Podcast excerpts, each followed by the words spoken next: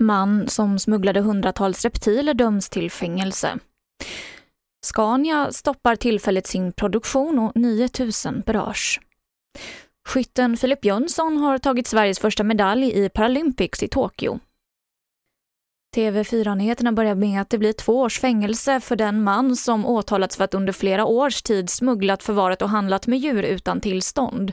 Domen meddelades alldeles nyss i Lunds tingsrätt och vi hör vår reporter Gustav Röriksson som är på plats vid tingsrätten i Lund. Alltså rätten resonerar ju att eftersom det är så pass många djur och flera av dem är ju då utrotningshotade eller och till och med förbjudna att hantera på det här sättet som den här mannen och hans medhjälpare har gjort. Så det är ju just därför det har blivit två års fängelse för den här mannen. Nu tvingas lastbilstillverkaren Scania att tillfälligt stoppa sin produktion i Södertälje, Oskarshamn och Luleå på grund av den globala bristen på halvledarkomponenter. Det är uppemot 9 000 anställda i Sverige som berörs av stoppet. Att tidigare ha varit smittad av coronaviruset ger ett bättre skydd mot att få sjukdomen än att vara vaccinerad med två doser. Det här visar en ny studie från Israel. Risken att bli sjuk är så mycket som upp till 13 gånger högre för vaccinerade jämfört med tidigare sjuka.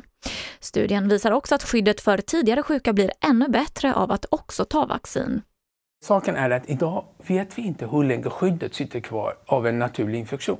Och inte får vi få vaccinationen heller. Det är därför vi säger att har du, även har du blivit infekterad och du vet att du har antikroppar, du behöver inte kanske springa till vaccinationscentrumet, men däremot du ska vaccinera dig.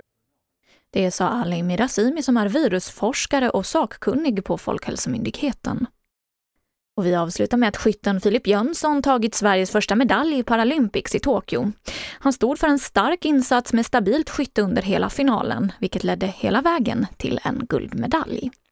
Och det här var det senaste från TV4 Nyheterna. Jag heter Emily Olsson.